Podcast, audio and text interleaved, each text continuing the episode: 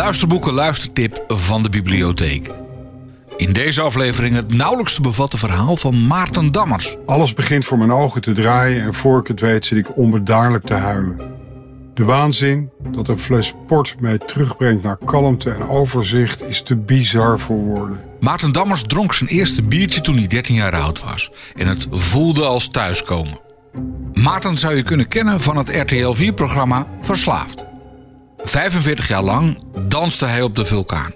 Nachten doorhalend op drank, coke, speed en zijn eigen hoogmoed. Tot de onvermijdelijke val. Slechts heel soms, als ik een korte opleving heb, zet ik muziek op en steekt een vertrouwde hoogmoed de kop op. De realiteit is echter minder sexy.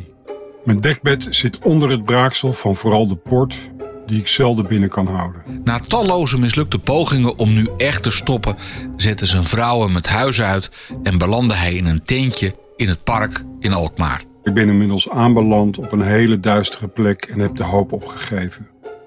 Kan ik er niet beter uitstappen? Ik drink de laatste tijd voornamelijk port en wodka en zuip mezelf van roes naar roes. In Ik ben Maarten en ik ben verslaafd vertelt Maarten Dammers op een eerlijke en niets ontziende wijze zijn ongelofelijke verhaal van een mateloos en soms machteloos leven.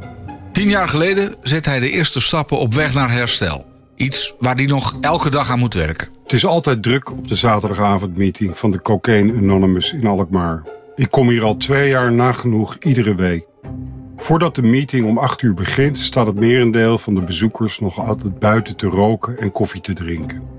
Zenuwachtig, een beetje verlegen zelfs, loop ik tussen de mannen en vrouwen door naar de ingang. Wonder boven wonder wist hij zelfs weer contact te krijgen met zijn vrouw en dochters. Ik voel dat Wies mijn hand pakt.